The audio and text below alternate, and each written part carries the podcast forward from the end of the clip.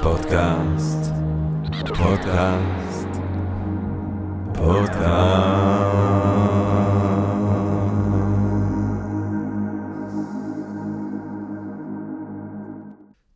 טוב, גבירותיי ורבותיי, ברוכות וברוכים הבאים לפודקאסט של Think and Ring Different פודקאסט למי שאוהב לחשוב ולשתות. אני ג'רמי פוגל, ואנחנו רוצים להתחיל עם רגע של הודיה לעצם היש, לעצם המציאות הזאת, לקוסמוס, שמאפשר לנו למרות הכל ובהינתן כל אלה לפגש כאן למען הרחבת הדעת, העמקת הידע, גירוי וסיפוק הסקרנות, ואולי רעיון נשגב, מעורר, השראה, ככה פתאום באמצע היום, כולנו ביחד ובעברית. אה, וכמובן על הדרך אנחנו רוצים להודות לסקרינס. יש בינג' אחר, סקרינס, אה, שם אנחנו אה, מצלמים את הפודקאסטים האלה למי שרוצה לצפות בנו, זה בחינם, ואז אפשר להירשם לכל התכנים המרתקים של סקרינס, ואנחנו ב-Think and Drink Different, יש לנו הרצאות, יש לנו סדנאות, יש לנו... מה אין לנו? יש לנו שמחת חיים. אז תבואו לאתר, תבואו לקבוצה שלנו בפייסבוק, בואו לפגוש אותנו. טוב. Uh, היום, גבירותיי ורבותיי, אנחנו רוצים לדבר על אולי אחד מהנושאים uh, שמעסיקים אותנו בתהליך המדהים הזה של הדיגיטליזציה של חיי אדם, של המהפכה המטורפת שאנחנו חווים בעידן הטכנולוגי הדיגיטלי הזה שלנו. Uh, אנחנו רוצים לדבר על uh, בינה מלאכותית. על בינה מלאכותית. אני עוד זוכר את הפליאה אה, כשדי בלו אה, ניצח את קספרוב שם איפשהו בשנות התשעים, וקספרוב בהתחלה עוד התנגד, הוא אמר לא, חייב להיות שהייתה שם השפעה אנושית, אה, כי די בלו לא הייתה מוכנה לקבל להכחבה, שעד כה כל המחשבים כן קיבלו. לא משנה אם הסיפור הספציפי הזה נכון או לא נכון, היום ברור ששחקני השח הטובים ביותר לא יכולים לעמוד מול הבינה המלאכותית המשחקת שח. אבל מילא שח. לפני כמה שבועות אני חושב שהאינטרנט ככה הוצף עם דימויים של דלי, אותה תוכנה של בינה מלאכותית, שבו אתה יכול לצוות לה אה, מה היא תצייר, והיא יוצרת דימויים יפהפיים, מרהיבים, אמנותיים. אני חייב להגיד, אני אישית הייתי קצת באיזה דיכאון כמה ימים אחרי זה, כי אמרתי, בואנה, זה... זה הסוף של, של האומנות. הרי השלב הבא זה שבמקום שיהיה נטפליקס, אה, יהיה לי איזה תוכנה שאני יכול להגיד, אני רוצה סרט על סוקרטס, עם ג'ק ניקולסון בתפקיד של סוקרטס, אם זה ככה, אם זה פה, בום, חמש דקות ויש לך את הסרט. אה, אבל לא רק ליצור לנו תכנים ודימויים, מה שאנחנו עושים כאן, כן, אה, מדברים הרבה על זה שבעידן של הטכנולוגיה האוטומטית אז לא יהיה צורך יותר בנהגים, אה, בנהגים לא יהיה צורך, אבל אולי גם לא יהיה צורך במורים, אולי לא יהיה צורך בפילוסופים, אולי האינטליגנציה המלאכותית תעשה פילוסופיה יותר טובה משבני אדם יכלו לעשות, יותר מעמיקה, יותר מרהיבה, יותר שיטתית, מקיפה.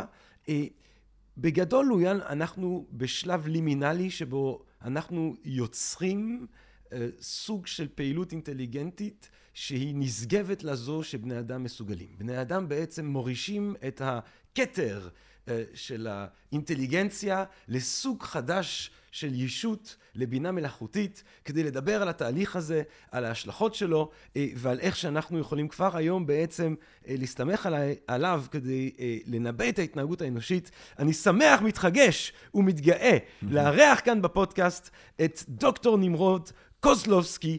דוקטור נמרוד קוזלובסקי עשה תואר ראשון בתל אביב במשפטים, תואר שני אה, בתורת השפיטה גם במשפטים בתל אביב, תואר שני נוסף בייל, דוקטורט במשפטים בייל אה, על Predictive Policing שנדבר על זה רבות, אה, פוסט-דוק במדעי המחשב בייל, פוסט-דוק ב Oxford University באנגליה אה, ב Internet Studies. הוא למד הרבה, זה איש מאוד מחונך, יש לומר. כאילו, חינכו אותו בכל צד.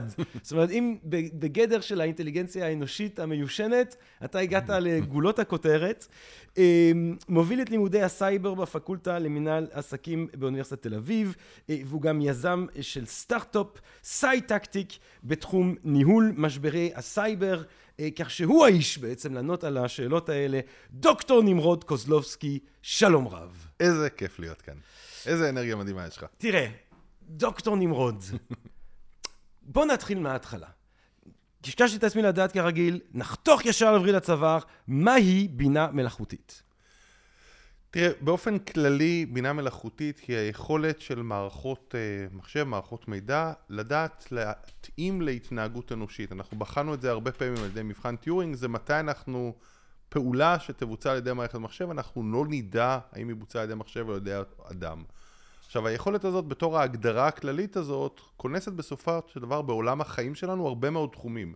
בינה מלאכותית היא שפע של בסופו של דבר יכולות שמערכת אה, מחשב מסוגלת לעשות על ידי תהליך של למידה וחיקוי של התנהגות אנושית וביצועה בעצם באופן אוטומטי, מאקט של נהיגה ולאקט של אה, כתיבה, לאקט של זיהוי שבני אדם לזהות אובייקטים לדוגמה, אקט של ראייה ממוחשבת, אקט של פענוח של דברים, כל היכולות השונות האלה הם ענפים בתוך הבינה המלאכותית. זה נכון שכל אחד יש לו תחום התמחות אחר, שזה ראייה ממוחשבת, ניתוח שפה טבעית, יכולת של חיזוי, היכולות הן יכולות שונות והן ענפים שונים וכל אחד יש להם תחומי ידע שונים לחלוטין. אבל באופן כללי, אם לפשט את זה, זה היכולות של מערכות ממוחשבות לבצע פעולות אנושיות באופן שיראה לנו כתבוני. לא רק באופן שמפעיל אה, אלגוריתם סדור שבני אדם יצרו אותו, אלא באופן שמערכת המחשב מחקה בעצם ולומדת תבונה אנושית או פעולה אנושית, באופן שלנו נראה כתבוני. עכשיו, אני התחלתי ואמרתי שניכר שאנחנו מגיעים לשלב שבו הטכנולוגיות האלה בעצם הופכות להיות בכל מיני אופנים נשגבים ליכולות האנושיות באותם התחומים. נשגבים או אפילו דומים. אתה תסכים עם ההערכה הזאת? הנקודה הזאת מצוינת. אנחנו זוכרים בעבר שהיו כל מיני דברים פופולריים שמנסים להראות לנו מה הדמיון בין איך שהייתה מכונה מבצעת, זו מערכת מילה מלאכותית ואדם. אז היה לנו נגיד את המבחן המדליק הזה, אם אתה יודע לזהות האם זה כלב או מאפין. זה נשמע לנו נורא מוזר, אבל היה תמונות של כלבלבים כן, מצורות כן. שונות פנים שלהם ומאפינים, ואמרו, בן האדם כמעט תמיד ידע להבחין ביניהם, כמעט. ב-94, נדמה לי, אחוז דיוק. ומערכת מחשב הייתה נופלת כל פעם בפח וחושבת בטעות שמאפין זה כלב, וזה היה נורא משעשע אותנו. וזה המבחנים של לפני 20 שנה. היום אפילו במבחנים האלה, מערכת מחשב עולה לגמרי לביצועים האנושיים. עכשיו אני אתן לך דוגמה מעולם התוכן שאני הגעתי בו, לכאורה, עולם המשפטי. בעולם המשפטי אנחנו תמיד הנחנו שאני נורא צריך עורך דין, בשביל שלדוגמה יעבור לי על חוזה וידע בחוזה להגיד לי בצורה טובה אם הוא מגן עליי היטב ולא, ושילמנו סכומי עתק לעורכי דין שיעברו על חוזים. הגיעה חברה ישראלית בשם לוגיקס ואמרה, רגע, הפעולה של לעבור על חוזה ולדעת לנתח בו, האם כנראה החוזה הזה מגן טוב יותר או לא על זכויותיך, פעולה שבסופו של דבר אני יכול ללמד את איך התבונה האנושית, מה הלוגיקה שפעל בן אדם, לחקות אותה על ידי מערכת מחשב, בהתחלה שהיא השיקה את זה, זה היה נראה קצת דמיוני שאני אחליף את עורכי הדין, ולאחר מכן היא הראתה שהם עוברים על מסמכים סטנדרטיים, כמו על uh, non-disclosure agreement או הסכם עבודה, עוברת מערכת מחשב על אותו הסכם, לוקח לה כמה שניות, עובר בין האנוש, לוקח לו כשעה, שעה וחצי, בסופו של דבר שיעור הטעויות בלא לזהות מוקשים, דרמטית יותר גדול אצל בני אדם מאשר אצל מכונה. אז פתאום אמרו, רגע, אני לא צריך עורכי דין? התשובה היא לא בדיוק.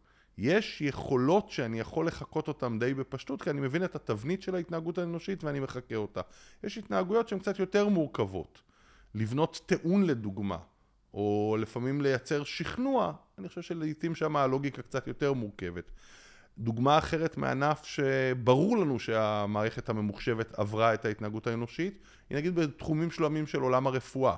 חלק גדול מעולם הרפואה זה אנשים שבסופו של דבר מסתכלים על תצלומים בשביל לנתח מהם אה, תופעה... פרדיקציה בעצם. פרדיקציה. כן. אני מנסה להבין האם לדוגמה תא מסוים הוא תא סרטני. אני מנסה כן. להבין שאני מסתכל בתמונה מסוימת שהיא תמונה של דימות, האם יש לנו פה משהו פתולוגי. עכשיו בסופו של דבר איך זה יושב? יושב פתולוג עם תצלומים של תמונות של צילומי גוף. בתחילת יום העבודה שלו שהוא מרוכז, הוא בדרך כלל אם הוא מומחה והוא יודע לזהות את התבניות ואיך נראים נגיד תאים סרטניים ותאים תקינים, אז הוא יודע ברמת זיהוי די גבוהה לזהות מהסתכלות, ולאחר ארוחת צהריים, או שהוא קצת יתעייף או מעצבני, ירד בתפוקה שלו כבן אדם. יושבת מערכת מחשב ועושה את זה, היא למדה בעצם מהסתכלות על אלפים, עשרות אלפים של פענוחים קודמים שבוצעו על ידי המומחה, היא מבינה מה הוא מחפש ובעצם יודעת לחקות את ההתנהגות הזאת. בניגוד למצב של אלגוריתם כתוב, שאומרים לו תחפש אחד, לאחר מכן תחפש שתיים, שבו אני רק לוקח לוגיקה ידועה אנושית, היא מנסה לפענח מה כנראה התבנית שהמומחה עשה, מנסה להבין בסופו של דבר מה הוא יהיה פרדיקטור יותר טוב אה, לתוצאה, ויודעת לסנן מתוך הצילומים איזה צילומים כנראה פתולוגיים. היום מערכות כאלה, אגב חברות ישראליות חלקן מקור גאווה, מצליחות לזהות הרבה יותר טוב מהרופא האנושי. אז אם אנחנו נוותר על הרופא האנושי, אני בספק. אבל אם יש חלק מהפעולות שהן פעולות שבוודאי מערכת מחשב שלא מתעייפת ומבינה את התבנית להסתכל על תצלומים, תעשה את זה טוב יותר, זאת ראייה מוחשבת, התשובה היא בוודאי מערכת מחשב תהיה טובה יותר. ותחומים שלמים ניכר בהם שיש בהם את אותו מתח שאתה מדבר. המתח הזה של בני האדם כל פעם להרגיש שיכול להיות שהם, ניתן להחליף אותם, ולפעמים ניתן להחליף אותם גם בקלות. תחומים מסוימים בתחום ההשקעות. בעבר היו יושבים אנשים ומשקיעים אה, אה, ימים שלמים בלנסות לחקות את השוק בהשקעות שלהם בשביל להשיג תשואה. הגיעה מערכת מחשב ואמרה, אני לא צריכה את בני האדם שיעשו את הדבר הזה ולכאורה את חוכמתם, אני אנסה להבין מה הייתה ההתנהגות של המשקיע שמנסה לעקוב על השוק, ואני אדמה אותה. ופתאום בתי ההשקעות התרוקנו הרבה פעמים מאותם מבצעים, ועברו לגמרי לביצוע אלגוריתמי ממוחשב. אנחנו רואים את זה בעוד ועוד תחומים מחיינו.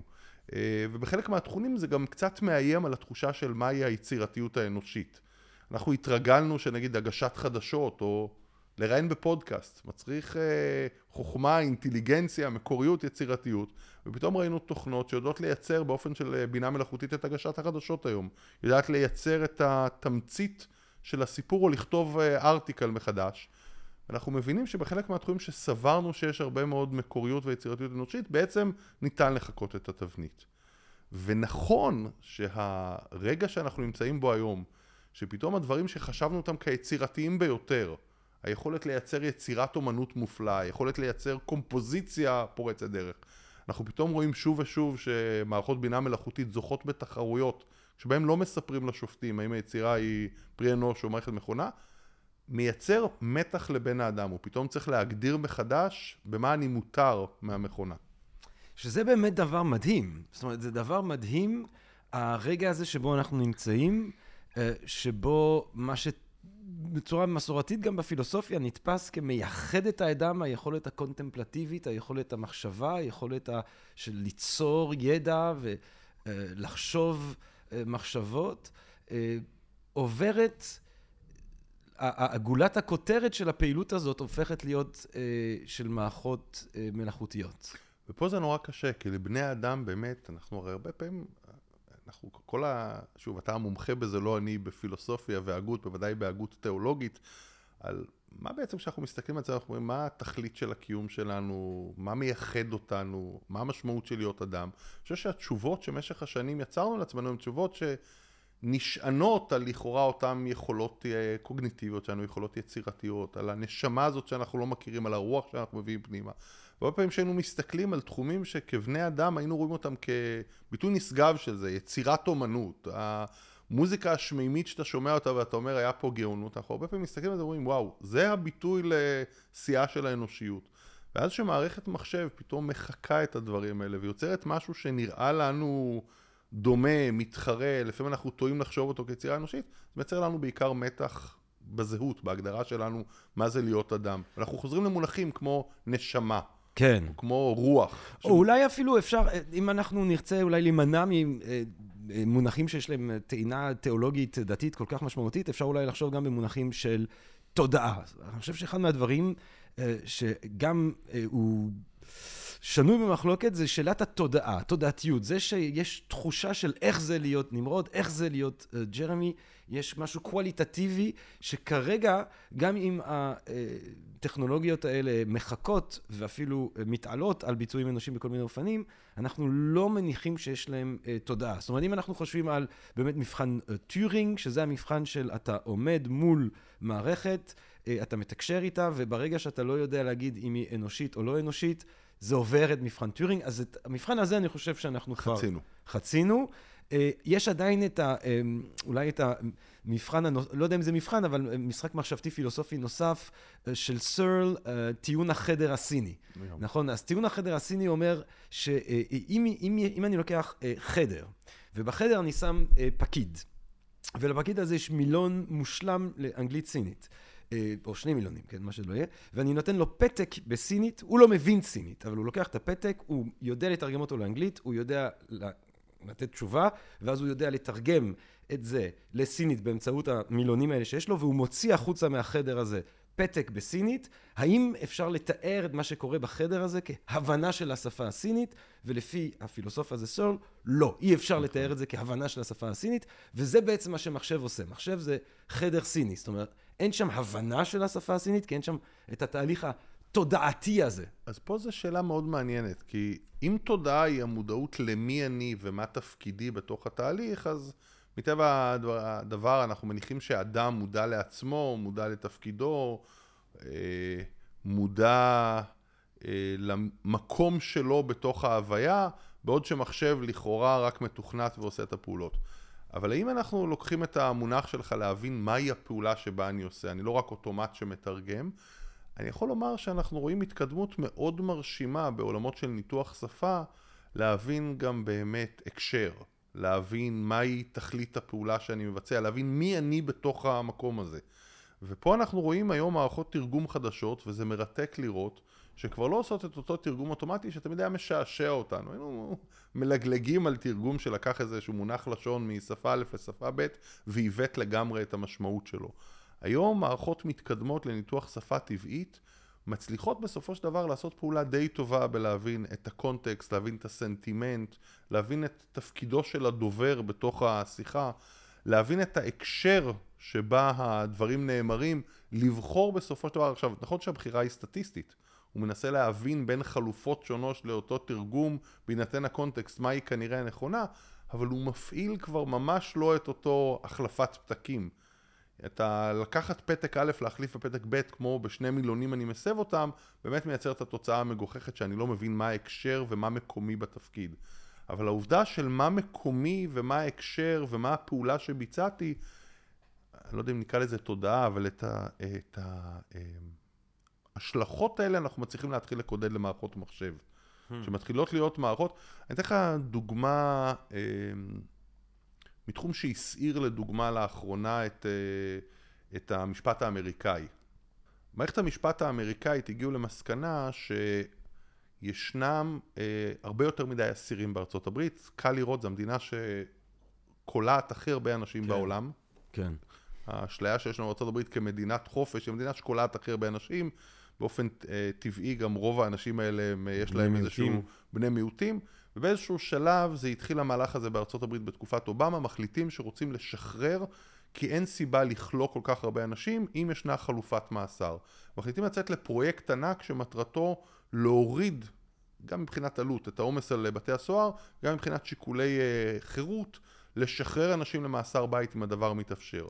עכשיו, התהליך הזה, שהיה אמור לקרות במסות, מצריך בעצם לשפוט את הסבירות שאדם יחזור לפשיעה, מה שנקרא רצידיביזם, וצריך לשפוט אותו במסות של אנשים. עכשיו מערכת המשפט מזמן לא התמודדה עם פרויקט כזה ענק, שבו אני צריך להעריך כלפי, בארצות הברית שלושה מיליון אנשים, להעריך כלפי כמות ענק של אנשים, מה כנראה הסיכוי שלהם לחזור לפשיעה ולקבל החלטה אם יכולים להשתחרר.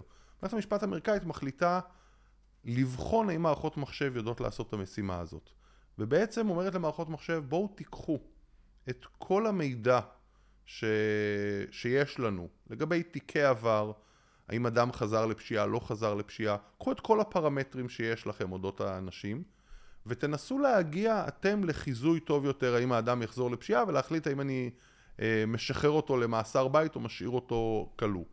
בעצם המערכת פרדיקציה הזאת לגבי רצידיביזם מתחילה להיות מופעלת בבתי המשפט האמריקאים. ומתחילה להיות מופעלת ויום אחד מגלה אחד האנשים ש... המערכת, המערכת החליטה שלא לשחרר אותו. עכשיו זו החלטה דרמטית, במקום שהוא ילך לביתו עם אזיק אלקטרוני הוא נשאר בכלא עוד תקופה ועורך דינו מנסה להבין את ההחלטה. הוא אומר אני מנסה להבין מה הסיבה שהחלטתם שמרשי לא הולך הביתה. ואומרים לו אנחנו הגענו למסקנה ושוב במשפטנות מכובסת הגענו למסקנה שהסיכוי שהוא יחזור לפשיעה הוא גבוה. הוא אומר אני מבין אבל מה גרם לכם להחליט כך? ועד היום בסופו של דבר הנמקה אנושית שהייתה היה נותן שופט הייתה מנסה להסביר בשלל טיעונים על ההתנהגות הקודמת שלו בכלא ועל הרקע הסוציו-אקונומי שהוא מגיע ממנו ועל רמת ההשכלה ועל התמכרויות שלו. ומנסה להסביר את ההחלטה האנושית למה החלטתי שהאיש הזה אה, יישאר בכלא. אבל במקרה הספציפי הזה מערכת המשפט השתמשה בעזר תוכנה שפותח על ידי חברה מסחרית והגיעה למסקנה שהאיש הזה מבחינת הדירוג היה צריך נגיד ציון 80 ומעלה, אתה הולך הביתה והוא הגיע ל-79. היה צריך להסביר למה האיש הזה הולך להישאר בכלא. ובאו לשופט ואמר, תסביר לי. והשופט בעצם התמודד, אמר, תשמעו, אני השתמשתי באיזושהי תוכנה כעזר. אמרו לו, רגע, אבל מה היה ה... מה הקריטריונים? מה הקריטריון? כן. מה הוביל... מה האזנת בתוך התוכנה הזאת? מה הוביל למסקנה? ואמר השופט בצדק, הוא אמר, תראו, התוכנה הזאת ניתנה לנו כדי לייעל את התהליך, אני לא יודע מה המסקנה. אני יודע שאני נעזר בה בתהליך, ואני אכן גם השתכנעתי. אמרו לו, רגע, מי שקיבל את ההחלטה זה בעצם מערכת המחשב.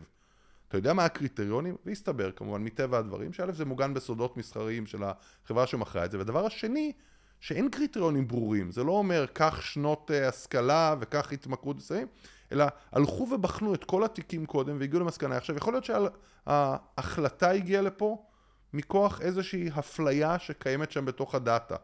זאת אומרת, זה סטטיסטיקה, אה, אה, זה ביג דאטה, ויכול להיות פתאום שימצאו איזושהי קואורדינציה בין זה שיש לו אוזניים גדולות לבין זה שהוא פושע שוב, אז האוזניים פתאום יהפכו להיות שיקול? כן, עכשיו, מה מעניין? הדוגמה שאתה נותן היא מצוינת, כי בדוגמה כזאת אנחנו כבני אדם מיידית נקפוץ ונגיד מה זה, על בסיס הדבר הזה אתה מפלה אדם. ואם שופט היה כותב לאיש שיש אוזניים גדולות אז הוא לא ישתחרר, כולנו היינו צועקים. אבל פה זה מערכת שלא ניתנת להסבר והיא פועלת בצורה שהיא בעצם בנתה לעצמה את, ה, אה, את המנגנון החלטה. זה לא מנגנון החלטה שקוף, אני לא יודע מה המשקלות שניתנו, אני יודע שהיא מנסה לדמות להחלטות קודמות שניתנו ולהבין אם יש סימילריטי בהחלטה. זה לא אלגוריתם שאני יכול להגיד 2% ניתן לאוזניים אה, גדולות. ולכן השופט לא יודע להסביר את ההחלטה. אבל אז התחיל לקום קול רעש, אמרו, איפה פה האנושיות? איפה פה החלטה אנושית? באו חוקרים מהתחום האחר שמגינים מערכות מידע מלאכותית ואמרו, עזבו כרגע את ההחלטה הספציפית, בואו נבדוק במסה, האם ההחלטות האנושיות כנראה מודעות יותר או מודעות פחות. והגיעו למסקנה שדווקא ההחלטה האנושית פחות מודעת לעצמה.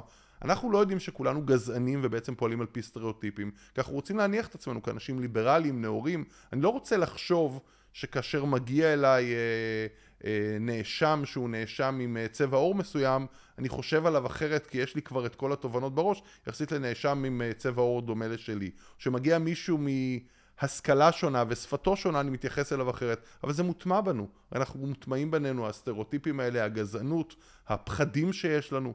הם לא מודעים, אנחנו סבורים שאנחנו פועלים בצורה תבונית לחלוטין ושקולה. דווקא הטענה היא שמערכת המחשב פועלת כך, כי מערכת המחשב מתעלמת מהשאלה מה הצבע של האדם, מה שפתו, עד כמה הוא רהוט, מי הוריו, איזה קשרים יש לו, היא בוחנת את הפרמטרים עצמם, ובאמת היא יודעת להגיע לחיזוי טוב יותר.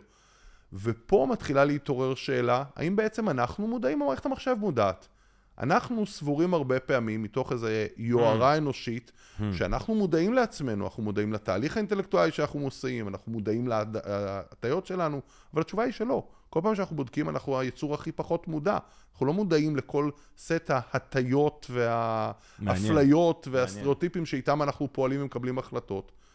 ואז פתאום ישנה העדפה שאומרת, רגע, אולי דווקא המכונה שאכן מודעת לעצמה, שמכונה שבה אני יכול לבטל נגיד את העדפות שאנחנו סבורים שהן לא מוסריות, או שבה אנחנו נבטל לדוגמה כל מיני הטיות אנושיות, דווקא היא המכונה המודעת לעצמה.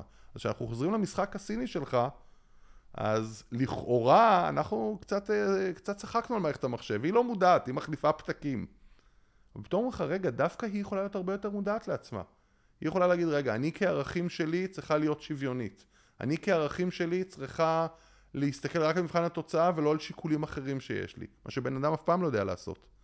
ולכן עכשיו השאלה מהי המכונה המודעת? האם זה בין האדם או הבינה מלאכותית? מעניין, מעניין, מעניין, מעניין, מעניין, מעניין, מעניין. אבל אוקיי, אני רוצה להבדיל, אני רוצה לחזור קודם כל לשאלה של uh, חיזוי התנהגות אנושית, uh, שאני יודע שהיא שאלה שמרתקת אותך uh, במיוחד, אבל אני רוצה עוד רגע לשהות בעניין הזה של, של מודעות עצמית ו, ותודעתיות, כי אני חושב שאולי דרך יותר נכונה לתקוף את זה, זה מנקודת זווית של המכונה. Uh, כי גם אם היא יותר מודעת, זאת אומרת, לא יודע אם מודעת היא המילה המדויקת, אבל גם אם התוצאות שלה בסוף משקפות את הערכים המוצרים בצורה...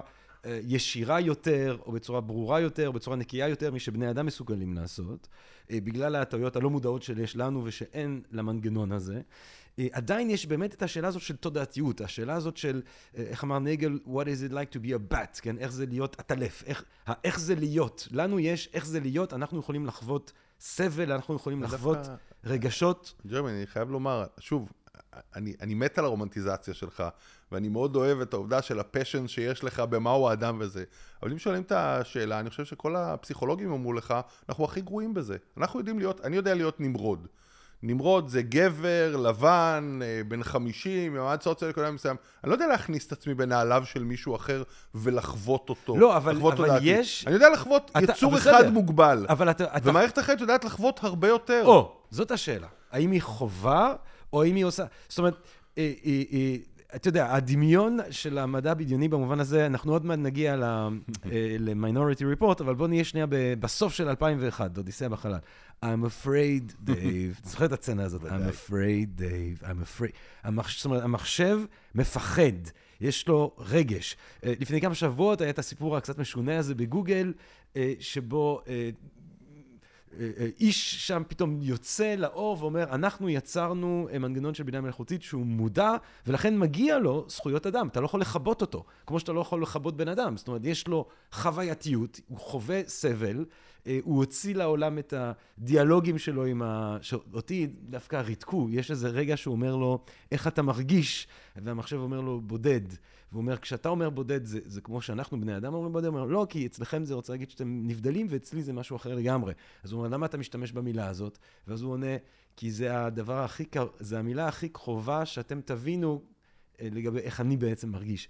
עכשיו, אתה יודע, יכול להיות שהמחשב מתוכנת בסופו של דבר לדבר באופן שידמה מאוד שיחה אנושית, אבל זה באמת מרגיש שאתה מדבר עם משהו שיש לו את התודעתיות הזאת, את היכולת להרגיש סבל, להרגיש עצב, להרגיש רגשות כלשהן. אבל, אבל ג'רמי, אנחנו, אנחנו שוב, יש כאלה שאומרו לנו, וכנראה בצדק רב, גם צמח מרגיש. צמח שאני מכופף אותו מרגיש. יש uh, קולטנים אצלו שמרגישים אצלו. כמובן שבעלי חיים אחרים שהם אינם בני אדם מרגישים, ואנחנו הרבה פעמים מתעלמים בזה כאשר אנחנו אוכלים אוכלים אותם. Uh, ישנם הרבה, uh, הרבה גופים בקיום שלנו שיש להם תחושה או שיש להם רגש, ושיש uh, סנסורים שלהם אשר חשים, לפחות בצורה הכי בסיסית, את ההתנהגות שלנו כלפיהם, או את ההתנהגות של הסביבה כלפיהם. ואנחנו עדיין משום מה חושבים שהרגש שלנו הוא נעלה. אז כל פעם שאנחנו רגע, זה לא רגש כמו שאני מרגיש כבן אדם, מרגיש לא, אני לא יודע אם הוא נעלה, אני שואל אם, אם אתה, לא, האם אתה חושב ש- שבינה מלאכותית תהיה מודעת, כבר מודעת? תראה, אז פה בתור התחלה כך, בוודאי שאנחנו יודעים לקודד מחשב, להתחיל להיות מודע לעצמו. לדוגמה, השאלה שאתה אומר, של להיות מודע לזה שיש לי רצון להמשיך להתקיים. עכשיו, הדבר הזה, אנחנו נתכנת מכונות לדבר הזה, כי מכונות בינה מלאכותית, אגב, אנחנו דיברנו ברומנטיזציה על אלה שכותבות שירה ואלה שכותבות אה, מרפאות מחלות, אבל אה, מכונות בינה אנושית, אחד השימושים הגדולים שלהם זה להיות מכונות לחימה. אנחנו נראה יותר ויותר מכונות לחימה. הם, מההגדרה שלהם, יתוכנתו כדי למנוע את היכולת להפסיק את קיומם. כלומר, חלק מההגדרה שלהם, פונקציית המטרה תהיה, אני רוצה שרידות. עכשיו, גם בן אדם יש לו יצר שרידות ויצר חיים אדיר, אבל אנחנו נגדיר את המכונה מראש, שפונקציית המטרה המרכזית שלך זה להמשיך את השרידות. אבל היית אומר, המ- וה- והמכונה הזאת שרוצה במחאות לשרוד, היא רוצה לשרוד, או זה מנגנון שמתוכנן לנסות להימנע כיליון? אז תראה, שוב, מה זה הרצון הזה? אם אנחנו אומרים שהרצון הוא מה שבאופן נחזה הבן אדם פועל אה, כנראה על פיו או כדי לקדם אותו, זה ההגדרה שלי לרצון, ש- שאין משהו כנראה אחר שהוא, שאנחנו לא יודעים להגדיר אותו. הרי רצונו של אדם באופן רגיל, אני אומר, אני רוצה כרגע לשתות, אני חוזה... לא, כי יש את הפנימיות. יש, אתה, אבל אתה מה זה חווה... הפנימיות? פנימיות, אם הפנימיות זה זה דבר שמאוד הפרוססים... מאוד קשה, אני אגיד לך מה, זה, זה ה-hard problem of consciousness, מה שנקרא, כן? זה דבר שהוא מאוד קשה להגדיר, אבל זה המציאות הראשונית שלנו. אתה חווה רצון, וההנחה היא שהמכונה הזאת לא חווה רצון, גם אם, היא, גם אם ההתנהגות החיצונית שלה משקפת רצון שכזה. רגע, אבל... אז בסדר, אצלנו באיזושהי צורה זה hard coded, הרצון שלנו לשרוד, הרצון שלנו אה, לחום, יש דברים מסוימים שכנראה hard coded במכונה שנקראת בן אדם. ה-hard coding שהולך להיות במכונה של בינה מלאכותית, הרבה פעמים יהיה מההתחלה, זו פונקציית המטרה שלה. עכשיו, האם אנחנו חושבים שזה נשגב כמו איך שהוטבע בנו הרצון אה, לשרוד או הרצון אה, להתקיים? אני לא יודע. כמו שאתה יודע, אנחנו לא מצליחים להגדיר הרבה פעמים מהי הנשמה או הרוח היתרה האנושית. אבל האם אנחנו נראה מכונות שמתחילות להיות מודעות לעצמם, מודעות ל... אה, ל בוא נגיד, למטרה המרכזית שלשמה הם קמו. כמו שאנחנו מתארים אבולוציה, אנחנו מתארים אותה הרבה פעמים כהרצון של הקיום להמשיך והרצון שלו אה, להעמיד לעצמו צאצאים. אז אם אנחנו בעתיד נראה מערכות מחשב, שמי ההגדרה שלהם הראשונית, הן רוצות לעשות לעצמם דופליקציה כדי להמשיך להתקיים, או שהן אומרות שהעיקרון המרכזי שלהם הוא שרידות, אנחנו כנראה נראה מערכות שמאוד דומות לתהליכים אבולוציוניים שהכרנו אותם קודם בתאים ביולוגיים. אנחנו רק נראה אותם פתאום בקיום דיגיטלי. אבל בוא נגיד כך, וזה גם הרבה יותר פשוט, כי לעשות רפליקה דיגיטלית היא, היא מלאה, היא קלה. כן. וואי, מעניין. עוד פינה שבו אנשים מחפשים אולי מזור לתחושת הנשגבות האנושית, זה העניין הזה של, של יצירתיות, של חידוש. זאת אומרת, גם אם יש לך מנגנון של בינה מלאכותית שיודע ליצור אה, תוכן ככה אינטרנטי, ויודע לעשות לך טקסטים, אה, לא יהיה לך מישהו שיפחוץ את המערכת. זה נפלא. אני חושב שאתה עולה אחת הנקודות ש... אני לפחות במחקר שהכי הטרידו אותי והכי מצאתי שאין בהם תשובות טובות. אנחנו הרבה פעמים חושבים שמערכת מחשב תהיה אכן הרבה יותר טובה בלבצע משימה מוגדרת. מוגדרת או קיימת. בפונקציית מטרה של אה, לפ... לפענח את התצלום היא תהיה יותר טובה, או לחכות השקעה עילה היא תהיה הרבה יותר טובה. היא כנראה תהיה גם הרבה יותר טובה בביצוע אה, משימות אחרות שלנו, כמו לכתוב אה, טקסט, היא תהיה יותר טובה. אבל תמיד שואלת לנו השאלה, מה בסופו של דבר פורץ את הגבולות שלנו? זו אותה המצאתיות או חדשנות, אותו משהו שפורץ את התבנית. ואחת הבעיות המובנות בבינה מלאכותית, וכולנו מכירים אותם, זה שיש בה בעצם משהו נורא שמרני, סטגנציה. כי בסופו של דבר פונקציית המטרה שלה היא תמיד להגיע לתוצאה האופטימלית באותו נתון. אין לה פונקציית מטרה לשנות שבדרך כלל אנחנו יודעים, גם חדשנות, כל אחד מאיתנו שהתנסה, אתה נופל אלף פעמים עד שפעם אחת אתה מצליח, אז לרוב במבחן התוצאה אתה לרוב לא מצליח, ולא היית הולך לכיוון ההוא. והמבחן תוצאה של מכונה היא הרבה פעמים, קח לי מהדאטה הנתון, תחכה לי תהליך אנושי, איך אני מגיע לתוצאה האופטימלית. אז תמיד אנחנו רואים את התמונה הזאת הידועה, הקרטון של בני אדם שהולכים וסוחבים אז מסע, ומישהו מגיע עם גלגל לידו, לידם, ואומרים, אל תפריע לנו, יש לנו משימה לעשות. אני כשאני מסתכל על הקרטון הזה, אני אומר, זה בערך מה שהיה כנראה קורה אם בינה מלאכותית הייתה ממשיכה תמיד במשימה. כי הייתה תמיד מנסה לפעול בתבנית הקיימת שהוגדרה לה לביצוע המשימה, ולא לשאול את עצמה אם יש תבנית אחרת לגמרי שתשיג את המשימה. הדבר הזה של לנסות uh, לחזות עתידים אחרים, או לחזות uh, זה, הוא מדע שעדיין בחיתוליו. זה מדע שעדיין כן מכירים אותו, שיכול להיות מצב שבו אני בוחן אה, חלופות אחרות לגבי פונקציית המטרה, אבל ברוב המקרים מערכת הולכת ומחקה החלטות קודמות. ופה גם בדרך כלל כשאנחנו בוחנים אותה אנחנו רואים את החולשה של מערכת בינה מלאכותית. כי היא בדיוק זו שמנציחה כבר, כשהיא הולכת לבדוק רצידיביזם, אז היא שואלת מי נמצא בכלא ומי לא הצליח, היא מטביעה את הכישלון של מערכת החינוך ושל אה, מערכת החברתית האמריקאית משלושים שנה אחורה. שאלה שהלוזרים של אתמול יהיו לוזרים של מחר. כשהייתה את ההתקפה כנגד אה, חברות שהטמיעו מערכות בינה מלאכותית בתהליך גיוס העובדים שלהם, אמרו, אנחנו אמרנו הרי, מערכת הגיוס עובדים היא שוביניסטית. למה? כי היא העדיפה עובדים זכרים על פני אה, מועמדות נשים. למה היא עשתה את זה? לא בגלל שמערכת המחשב יש לה איזה הטעיה נגד דברים נשים. היא הלכה למידע היסטורי ושאלה מי באופן טבעי ביצע את התפקיד הזה והצליח בו. עכשיו, אם קודם הייתה לנו הטעיה שגברים ביצעו תפקידים מסוימים או הצליחו בהם, היא תאמר, אני מחפשת מועמד שכנראה דומה יותר. עכשיו, אם המערכת תמליץ על גבר, אז היא תנציח את העובדה שעוד ועוד גברים יתקבלו למשרה הזאת. ודווקא דברים שאנחנו כבני אדם הבנו לפעמים, שאני צריך לתקן הטיות.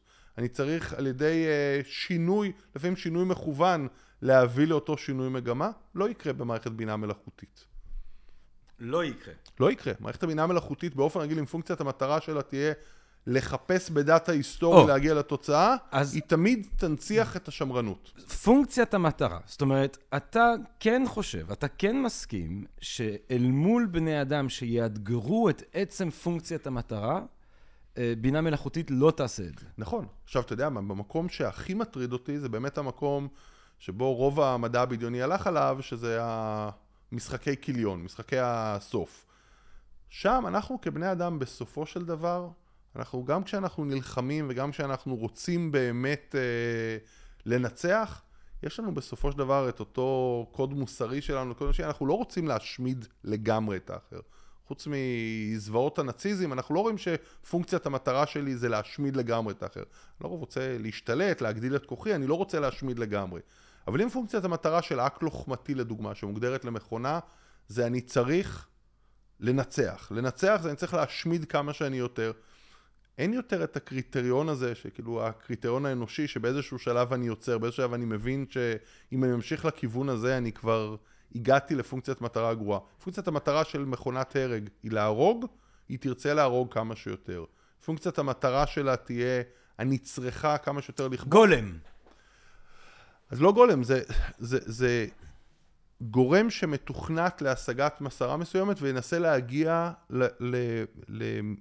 לתוצאה מקסימלית במטרה שלו. הוא לא יצליח להגיע כמו הרבה פעמים בני האדם לתוצאה שנראית לנו, לכאורה היא לא השיגה את המטרה, לא השמדתי את כל היום ולא כבשתי את כל הקרקע, אבל היא התוצאה שנראית לנו בסופו של דבר באיזון האנושי שלנו כמקום הנכון. ובהרבה מאוד משימות זה הולך רחוק מדי. זה ה... נגיד בתחום שאני התעסקתי בו, אם אנחנו, אה, אתה יודע מה, ניתן מעולם השיטור. אנחנו לא באמת מאמינים בתפיסה שלנו, ככל שאנחנו חושבים על דברים מוסריים ולא מוסריים, שאנחנו מאה אחוז מהפעמים שמישהו יעשה מעשה אסור, אנחנו רוצים שתהיה סנקציה פלילית. בוודאי לא במלוא החומרה שהגדרנו אותה בחוק. כן. אני לא חושב שכל פעם שמישהו... אה, מעשן ג'וינט. כן, אני רוצה לעשות אותו, ויותר מזה אנחנו חושבים בסופו של דבר, המחשבה שלנו, שיש הרבה דברים שהם בתוך עולם המחשבה, הם בתוך עולם התכנון, הם לא בתוך העולם הפלילי שבו הם רוצים לקרות. אבל אם אני אעביר את זה לעולם של אה, אה, מכונה, שהיא במאה אחוז מהמקרים שהיא רואה אינטנט, היא רואה כוונה, ש... או, או אינדיקציה לתחילת פעולה שכנראה מלמדת על הפעולה האסורה, היא מיידית תמנע אותה. תמנע אותה בין אם היא תאסור אותה, בין היא אה, תפעיל כוח באותה נקודת זמן כ... יהיה, יש סרט שראיתי לאחרונה, שבינה מלאכותית מרתק, שכל פעם שמערכת הבינה המלאכותית, זה היה סרט קצר שהוא עמד לאוסקר. אה, כל פעם שמערכת הבינה המלאכותית גילתה שמישהו כנראה הולך לעשות מעשה אסור, הוקפץ דרון מיידי שהוא דרון מאיים ונעמד מולו בזה, ואתה כרגע תחת אה, עיכוב, תחת מעצר. למה? כי המערכת קלטה שאכן היית עתיד כן. לעשות את המעשה. זה לא הדרך שבה אנחנו סבורים שאנחנו רוצים לנהל את חיינו. זה לא הדרך שבה אנחנו רוצים אה, משטרת אה, מחשבות או משטרת אינטנט, או שכל פעם שיש אינדיקציה שמשהו הולך להתקרב, אנחנו רוצים אה, להפעיל את מנגנון הכוח. מערכת בינה מלאכותית אין בה את אותה... אה, תראה, את אותו יש איזון. את הרצוי ואת המצוי כאן, ואני חושב שאם המצוי יהיה מספיק אפקטיבי, מאוד מהר הוא יהפוך להיות רצוי. אני אתן למשל את הדוגמה, אה, הסרט המפורסם הזה של שפילברג עם תום קרוז, מיינוריטי ריפורט, שבו זה באמת סרט שבו יש בדיוק את ה-predictive policing הזה, מערכת של בינה מלאכותית. טוב, הם עשו את זה קצת בצורה ציורית, אבל בינה מלאכותית שיודעת לנבא מתי אמור להתרחש רצח, ואז אתה מונע את הרצח שניות לפני שהוא הולך לקחות, ועוצר גם את הבן אדם נכון. על זה שהוא עמד לרצוח. עכשיו, אתה יודע, למשל, אני חושב על הזוועה שקורית, אה, שקורה בעולם, שקורה, לצערנו הרב, גם במדינה הזאת, של אלימות כלפי אה, נשים.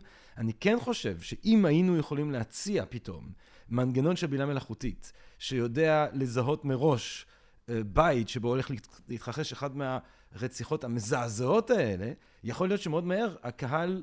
כן, האזרחים כן היו אומרים, וואלה, בוא נשתמש בזה. בוא, לגבר שעומד להיות אלים, בוא נעצור את זה. ג'רמי, זו נקודה מרתקת, אני חושב שאת הדוגמה שאתה נותן היא הדוגמה המושלמת. זה הסיפור שהיה לאחרונה בשיקגו, בדיוק הסיפור הזה. אה, בתחום, זה תחום הדוקטורט שלי, זה תחום העיסוק, Predictive Policing. הוא תחום שמניח שאני מסוגל לחזות אירועי פשיעה או אירועים אנומליים. לא להיכנס אה, מאוד בהרחבה לאיך אה, עושים את זה באופן תיאורטי, אבל אני מניח שאני מסוגל להשיג באיזושהי רמה של פרדיקציה, חיזוי, על בסיס פרמטרים מסוימים, מתי בן אדם הולך לעשות פעולה... אבל דווקא מעניין כן, כן שתתן קצת על, על, על, על איך אני יכול לעשות את הפרדיקציה הזאת. אני, אני, אני אדבר על זה עוד שנייה, אבל אני אתן לך את הדוגמה שאתה אמרת בדיוק את הבית.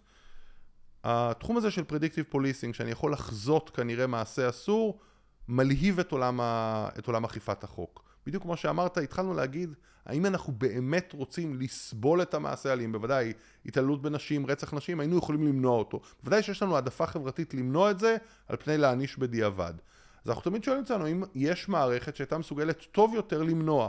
ניסינו, שיטור ברחובות, שיטור קהילתי, כל מיני מנגנונים חינוכיים, לא כל כך עבד. הפשע היה בהעצמה, מערכת אכיפת החוק הציבורית לא עבדה היטב, ואז פנו לטכנולוגיה. עכשיו, ספטמבר 11 הוא נקודת אה, מפנה בכל העולם הזה. כי אחרי ספטמבר 11 התחילו לבוא מומחים ולהגיד, תשמעו, באירוע השבר של אולי של הדמוקרטיות המערביות, הספטמבר 11, אמרו, טכנולוגיה הייתה יכולה למנוע את זה. האם כן או לא, יש פה ספקות בין uh, מומחים, אבל אחת הטענות הייתה, היינו יכולים לחזות את זה. היינו יכולים לחזות שבני האדם הספציפיים האלה הולכים לעשות מעשה פסול, ולפחות להעמיד אותם תחת פיקוח או, או ניטור מסוים. ואז התחילו להיות השקעת משאבים אדירה אמריקאית, בעיקר על ידי דרפ"א, שזה הגוף שמפתח אה, מיומנויות לחימה אמריקאיות. הוסטו משאבים לאזור הזה של פרדיקטיב פוליסינג. היום התחום הזה הוא תחום כל כך חזק שבעצם כמעט כל המשטרות בארצות הברית משתמשות בכלי זה או אחר שהתפקיד שלו לחזות פשיעה. בין אם לחזות באיזה קרן רחוב יהיה פשע, בין אם לחזות כנראה כלפי אנשים שכבר uh, מסומנים כחשודים, האם עתידים לפשוע ולהגביר ניטור. הדוגמה שאתה נותן קרתה בשיקגו. באיזשהו שלב, תוך כדי ניסוי של הכלי, אמרו לעצמם באמת הרשויות בשיקגו, אחד הדברים שהכי מטרידים אותנו זה אלימות במשפחה. ואחת הבעיות הכי קשות, וזה מה שמדהים אותנו כל פעם שקורית אלימות במשפחה, אנחנו אומרים, איך לא ידענו? איך לא ידענו ששם בבית הזאת יש את ההתעללות שחס וחלילה הולך להיות פה הרצח הבא או ההתעללות הבאה, אנחנו רוצים לחזות את זה. הרבה פעמים בתוך התא המשפחתי עם הסוד שלו, אנחנו לא חשופים אפילו למידע, לא חשופים לסבל שנגרם שם. אז המערכת האמריקאית אמרה, אם אנחנו יכולים בדאטה לנסות לנתח על סמך כל המקרים שכן מצאנו ושהיה כבר חס וחלילה את הרצח או התעללות במשפחה או שאנשים נעצרו, אם אנחנו יכולים לחזות מה הפרדיקטורים שיש לנו. בעצם אמרו בוא ניתן את הדאטה שיש לנו. עכשיו יש דאטה לא מעט בעיקר בגופ... באנשים שהם תחת פיקוח של רשויות הרווחה, שכבר היה להם מגע כלשהו עם רשויות אכיפת החוק שיש תלונות, בוא ננסה לנתח איזה פרדיקטורים יכולים לחזות את זה. ופתאום מוצא מצב שדופקים במאה דלתות, דופק שוטר בשיקגו, ובא ואומר למשפחה, תראו, על סמך מנוע חיזוי שיש לנו, אתם כנראה אחת ממאה המשפחות שבה בסבירות הכי גבוהה הולכת להיות אלימות במשפחה. כמובן לא עושים שום דבר כרגע כי לא קרה שום אקט, אבל דעו, אנחנו נסתכל, אנחנו נשגיח. בעצם מה שהם אומרים, אנחנו מניחים שפה יש סיכון מוגבר ולכן נגביר את מאמצי אכיפת החוק. אבל זה לא מניחים, אנחנו, אנחנו מנבאים על פי מערכות שמוכיחות את עצמן כמאוד יעילות, שעלול לקחות כאן מעולה. משהו. אז פה בדיוק השאלה של הסרט מיינורטי ריפורט שבאמת, שסטיבן שפילברג לקח ויצר את הסרט המופתי הזה עם תום קרוז, הוא בעצם עורר לנו את הדילמה המוסרית הגדולה שלנו. מצד אחד אומר לנו, תדמיינו לעצמכם עולם ללא פשע. עולם שהפשע נגמר בו. אתה כן. זוכר?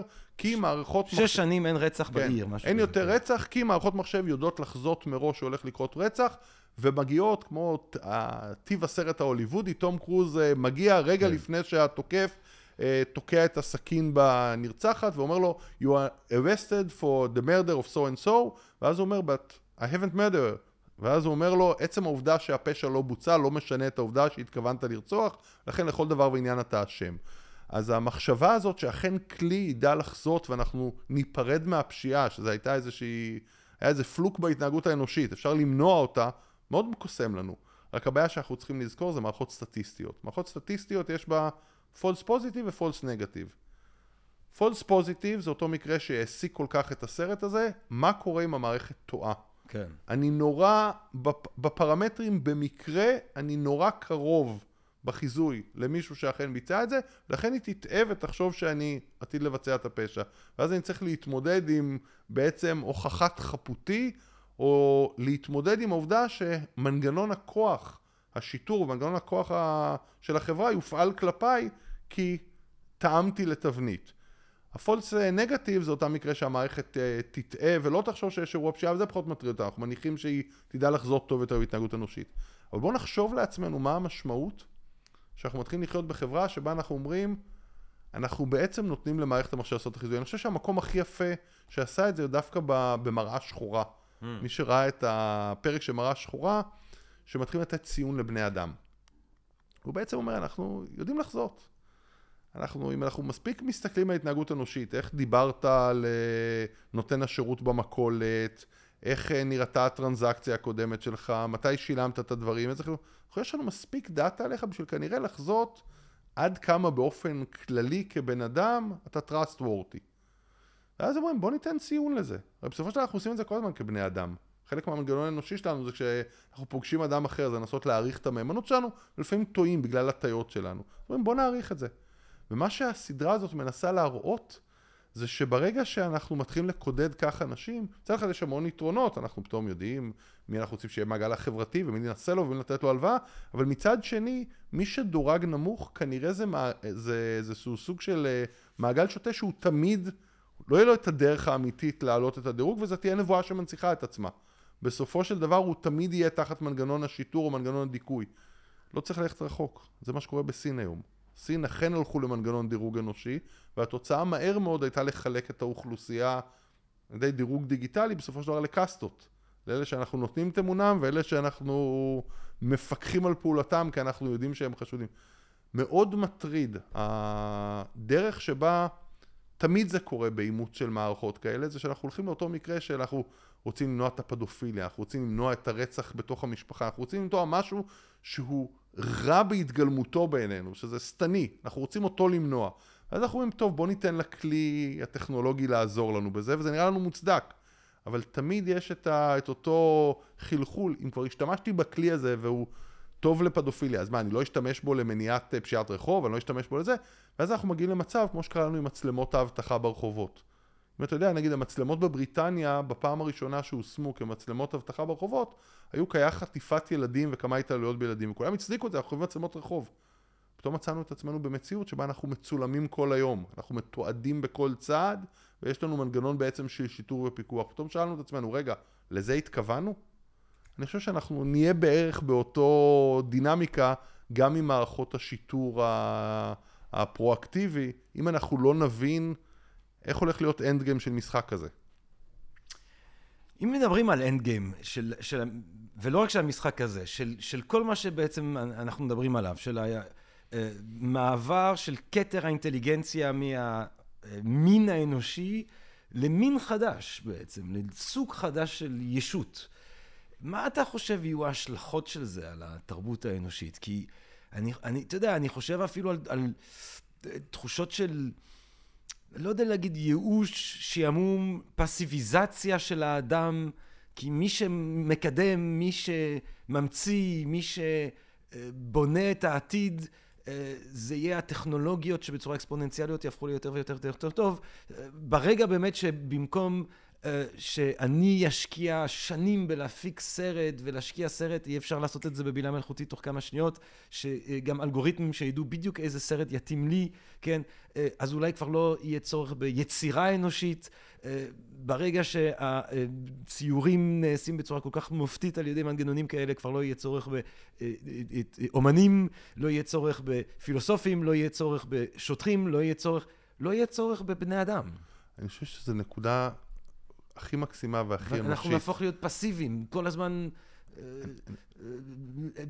מבודרים, יצורים מבודרים, אבודים, בתוך כלום. אז אני חושב שזו הנקודה הכי אנושית והכי מקסימה שיש בסופו של דבר בהסתכלות הרבה מהטכנולוגיה. העובדה שהיא הופכת אותנו או חלק מאיתנו למיותרים או לתחושה שאין לנו, אין בנו נחיצות יותר.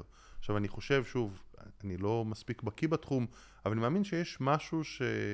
כל אחד מאיתנו רוצה להרגיש שיש איזושהי חיוניות בו, שיש נחיצות בו. אנחנו יודעים הרי הרבה פעמים שעושים מחקרים על, אה, על בני אדם ושהם מקבלים תמורה על משהו אבל שאין בו ערך, זורקים מיד את התוצר שלהם. ומצד שני הם מקבלים תמורה ורואים שהם משתמשים בו, הם מעדיפים לקבל פחות תמורה אבל להרגיש שיש איזו נחיצות או משמעות לחייהם. ואני חושב שאנחנו כבני אדם נורא חשוב לנו את תחושת הזאת, הנחיצות וזה. ואכן טכנולוגיה הופכת בהדרגה חלק משמעותי מאיתנו לכאורה למיותרים. כאילו, אם, אני אתן את הדוגמה הבסיסית. אם מישהו כל חייו אה, הרגיש איזושהי תחושת משמעות לזה שהוא נוהג אחרים, הוא עוזר להם להגיע ליעדם, הוא עוזר, הוא מייצר דרך עשה חברות את ה... להסיע את האנשים, להעביר אותם מכל מקום.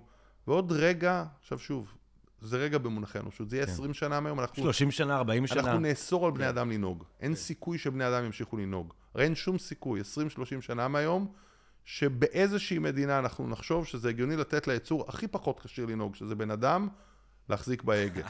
זה כאילו בן אדם, ברור לנו לחלוטין שזה יכול להפעיל מכונה. אז פתאום עשרות, מאות מיליוני אנשים הפכו להיות מיותרים בנקודה הזאת.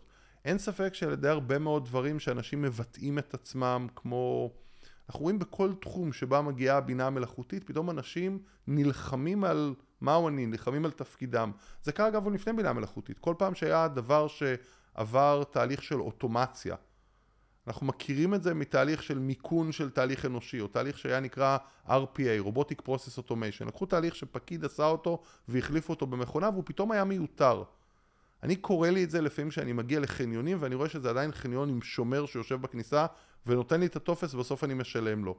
אני אומר לו שלום יפה ואני מנסה להיות נחמד ואני אומר איך מרגיש בן אדם שבחניונים שקצת התקדמו הוא מיותר.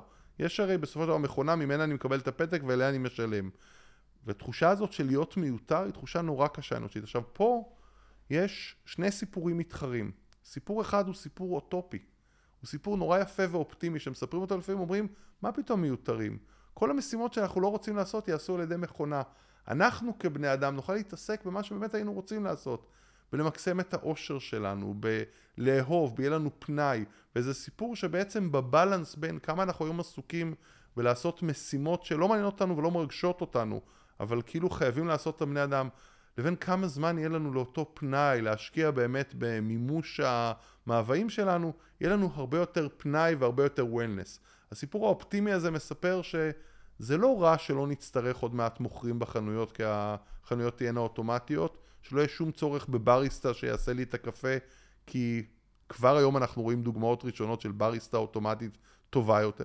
יגידו, זה יהיה נפלא, אנשים יתפנה להם זמן. הם יוכלו פתאום לעסוק באמת בקריאה, ביצירה, בדברים כאלה, דברים אנושיים. זה נשמע סיפור נפלא. סיפור המתחרה אומר, בעצם הולך להיות פה מצב, ובוודאי בקפיטליזם דורסני, שבו הרבה מאוד אנשים הופכים להיות מיותרים לחלוטין, ולכן שקופים. אני לא באמת צריך את אותם אנשים יותר, קודם היה בהם שימוש נורא משמעותי בשביל לעזור בייצור, בשירותים הנדרשים, אפילו בפעילויות כמו סיעוד וחמלה, הייתי צריך אותם, ופתאום מערכות רובוטיות יחליפו את זה בצורה מצוינת, ואז יש פה כמות, שכבה שלמה של אנשים שהופכים להיות מיותרים. אין להם נחיצות יותר. עכשיו בקפיטליזם, כל עוד זה התורה הכלכלית השלטת, אם אנשים אכן אין בהם, אין צורך בהם, אז יש לנו שאלה מאוד משמעותית, למה אנחנו מתגמלים אותם? מה... איך, איך אנחנו בתור חברה כלכלית מחזיקים אותם? ואז מתחילים להיווצר דיונים מאוד גדולים על השאלה אם אנחנו פתאום הולך להיות איזשהו שכר מינימום לאנשים. חלק מהדיון אגב באירופה הוא על איזה סוג של פיצוי על זה שמערכות דיגיטליות או בינה מלאכותית כן. מחליפות את בני האדם. Universal Income. Universal Income, אבל עכשיו צריך להבין את זה. בעצם סיפור שאומר, ה-Universal Income, מעבר להיותו הריון סוס, אה, אה, סוציאליסטי יפה מאוד, הוא בעצם גם סיפור נורא עצוב. סיפור שאומר לאנשים, תשמעו, אתם כבני אדם, מה לעשות, לא תצליחו להכשיר את עצמכם ולהיות חיוניים במשהו אחר. מערכות מחשב החליפו אתכם באופן שלא ניתן עוד כלכלית לחשוב על התפקיד שלכם, אז בואו לפחות נדאוג לאיזה קיום מינימלי בשביל שלא תסתובבו כנטל. וסיפור נורא עצוב, כי אם בסיפור שאתה מספר, שהוא סיפור אנושי של חמלה, של זה, בן אדם צריך להרגיש שהוא נחוץ, שיש חיוניות שלו, שיש משמעות להיותו כאן, ופתאום הוא מאבד אותו ואפילו מקבל את המסר, תשמע, אנחנו לא באמת יודעים מה לעשות איתך, אבל תיקח כן. את זה, זה. תאכל, תשתין, תחרבן, תישן, כן. תקום, אבל סיפור נורא, סיפור נורא נורא עצוב. כן. ואני לא יודע עד כמה הבלנס, תראה, אין ספק שיש שכבות באוכלוסייה שיהנו מאוד מההתפנות של הזמן. אה, כולנו חולמים על הרגע שמכונית תדע לקחת את הילדים שלנו לחוגים וחזרה, ותדע להסיע אותם ולאסוף את הכביסה. רואים כמה זמן יתפנה לי באמת בשביל אה, אושר ופנאי. אבל כנראה לצערנו זה יהיה מנת חלקם, לא של חלקים מאוד גדולים באוכלוסייה, שיוכלו ליהנות מזה ולא יהיו נפגעים בעצם מהעובדה שהם הוחלפו על ידי טכנולוגיה. מדהים. אולי צריך כבר עכשיו, אה, דוקטור אה, קוסלובסקי, להתרגל לחוסר משמעות, לחוסר תכלית. להתחיל לעבוד על זה, להתחיל לחנך אנשים בתוך אתוס שהם לא צריכים לפתור שום דבר, שהם צריכים למצוא אה, עושר עילאי בשימושיות של הבלתי שימושי, בשהייה, כמו העץ הוותיק בחורף, לא לתת פירות, לא להפוך לרהיט, פשוט להיות. תראה, אני קטונתי, אתה גדול בזה באמת, גם בתיאולוגיה וגם בפילוסופיה של המחשבה, אבל תראה, אתה יודע, קצת מטיולים בעולם אנחנו רואים את הפער הזה בין הפער התרבותי אולי, בין מקומות שאתה יודע, אנחנו מטיילים בארצות הברית ובן אדם סבור שהוא מוגדר דרך העבודה שלו. אני שנים חייתי בארצות הברית, היה לי נורא קשה שהתפיסה הבסיסית היא תפיסה של מה תועלת התמונה באדם על פי העיסוק שלו ועל פי כמה הוא מייצר. כל השאלה הגדולה הזאת, כמה הבן אדם שווה. כאילו, אני נמדד על פי כמה כסף יש לי ומה פוטנציאל ההכנסה שלי. תפיסה כשאתה מטייל באירופה היא תפיסה שונה, תפיסה של מהו האדם ומהי האנושיות שלו בהחלט לא מוגדרת על ידי האקט היצרני שלו בלבד, אלא יש תפיסה הרבה יותר, אה, אה, נקרא לזה, שמאדירה את האדם בעצם היותו ומאדירה את הרוחניות שלו. כשאתה מטייל למזרח, אתה רואה בכלל תפיסות באמת, אתה יודע, אני בפעם הראשונה שהגעתי וראיתי את הכמות של האנשים שעומדים שם ברחוב בהודו, ולא הבנתי מה העבודה שלהם או מה התכלית שלהם. אני כשהגעתי מהמערב לא הבנתי איך הם, איך הם מצדיקים את, את הווייתם. ואכן שהם שוחחו איתי הרבה פעמים, היה להם איזושהי תפיסה שהם נמצאים שם בדיוק כמו שנמצאת שם הפרה ברחוב, בדיוק כמו שנמצא הפרפר. עצם היותם שם מספק להם משמעות, בלי צורך uh, להצדיק את החיוניות כן. שלהם דרך ייצור. שזה, שזה, שזה תפיסה מאוד מאוד uh, מעניינת ואולי מאוד באמת רלוונטית לתקופתנו. אתה יודע, אני מאוד אוהב תמיד לצטט את שוואנץ, הפילוסוף הסיני הגדול. Uh, uh, רוב האנשים מבינים את השימושיות uh, של השימושי, רק מעט אנשים מבינים את השימושיות של הבלתי שימושי. Uh, ובסוף, עצם הקיום שלנו, עצם היש, עצם הקוסמוס. אתה יודע, אני אתן לך קוסמוס, מה תעשה איתו? תשכיר אותו, תשים אותו בבורסה, תמכור אותו, אתה לא יכול לעשות שום דבר עם קוסמוס, אתה לא יכול לעשות בסופו של דבר שום דבר עם חיי אדם, כחיי אדם. אה, באמת האידיאל הסיני הזה של העץ הוותיק בחורף, הוא פשוט ישנו. אה, אי אפשר לקחת ממנו פירות, אי אפשר להרוס אותו ולעשות אותו אה, כיסא, הוא פשוט ישנו. העצם הקיומיות הזאת, עצם הערנות הזאת, צריכה להיות אולי משהו שהאנושות מקדמת. אה, כדי אה, לא ליפול לייאוש ולשעמום. אתה יודע, שופנאו אמר שמרוב שעמום אנחנו נהרוס את העולם, שתמיד אני אומר שזו דרך מצוינת לתאר את מה שקורה בגדול אה, בתחילת המאה ה-21. זה שאלות, ש... שאלות קיומיות מאוד קשות שיפלו עלינו ברגע שהטכנולוגיות ייתרו אותנו בכל מיני אופנים. תראה, אז פה, א', אני מרתק את השיחה ומרתק את המחשבה שאתה מציג, באמת, האם אולי אנחנו צריכים להחליף במידה מסוימת את, ה... את האתוס. את האתוס שלנו, כי כשהתרגלנו יותר מדי לאתוס השימושיות, כן. בוודאי קפיטליזם קידם אותו, לחשוב שהערך שלי הוא ממה שאני עבודה מייצר. קשה, הפרוטסטנטיות, וייבר וכולי. עכשיו, סביר להניח שהאתוס הזה יתנגש במצב שבו חלק גדול מאיתנו לא יוכלו יותר לממש את האתוס הזה. או להכיר ערך לאחר דרך שימושיות. אז כנראה, זה נשמע דיון מרתק על האם אנחנו נצטרך להחליף את האתוס שלנו בעקבות טכנולוגיה. כיוון אחר, שיש כיוון שאנשים uh, מציגים אותו, שהוא כיוון אולי קצת אופטימי, אומר, תראה, בסופו של דבר, הרבה פעמים בעבר אמרו שהאדם יהיה מיותר. Uh, הרי כולנו מכירים את צ'רלי צ'פלין ונמצא ליד המכונה ומרגיש uh, מיותר לחלוטין. הוא מבין שהמכונה בסופו של דבר הפכה אותו לאיזשהו... Uh, uh, מספק את, את, את הפעילות של המכונה, אבל המכונה לגמרי מייצרת, והוא כאדם כבר חסר משמעות. אז המהפכה התעשייתית יצרה את זה בפעם הראשונה, ותהליכי אוטומציה יצרו את זה, ועכשיו תהליכי בינה מלאכותית יוצרים את זה. והאם הבן אדם הפך למיותר? לא. אני חושב שיכול להיות באמת, כמו שהרבה אנשים אומרים, שכנראה אנשים ימציאו את עצמם מחדש. עכשיו להמציא את עצמנו מחדש זה כנראה אולי לא להתעסק במשימות שעשינו פעם ודרכם השימושיות, אלא כנראה שיהיה משימות חדשות לבני אדם. אני לא יודע בדיוק לחזות אותם, אבל אחד הדברים שקראתי מרתקים, אמרו שבעבר, אני לא זוכר את הנתון המדויק, אני לא רוצה לטעות בו, אבל אחוז גדול מהאנושות היה עסוק רק בלייצר מזון בשביל שאנחנו בעצם נשרוד. אני לא זוכר את הנתון המדויק, אני לא רוצה לשגות, אבל זה היה מעל 50 אחוז, או במקומות מסוימים זה, שרק עסקו בלייצר מזון כדי שנשרוד. היום כשאנחנו מגיעים למצב של הייצור מזון, בוודאי גם עם האוטומציה, וזה מגיע לפרומילים מהקיום האנושי, החלפנו את מה בני אדם עושים. בעידן הפרה-תעשייתי, רוב בני אדם היו עסוקים באמת בלייצר את האביזרים והכלים בצורה מאוד לא יעילה. זה הוחלף באופן אה, אוטומטי שאין שום היגיון יותר בייצור כלים על ידי בני אדם, אז המצאנו מחדש את תפקידנו. אני חושב שמוגבלות הדמיון האנושי, לפחות הדמיון שלי, אולי יש אנשים מוצלחים יותר בזה, היא לנסות להבין מה כנראה התפקיד הבא שלנו.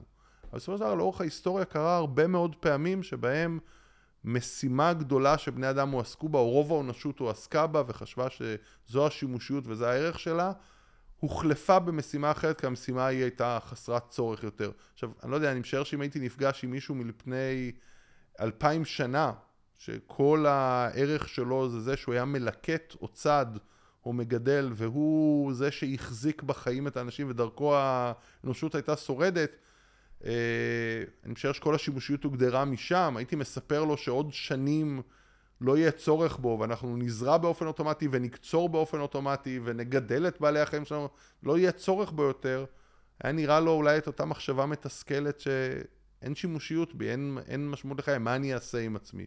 האם הוא היה יודע לדמיין שהוא יהיה מפתח תוכנות או אה, כל מיני, אני יודע, מנהל קהילות דיגיטליות או מקצועות חדשים שהומצאו? אחת הטענות הרבה פעמים בדרך חוקרים של שוק העבודה זה שאין ריק, בסופו של דבר מומצאות משרות חדשות.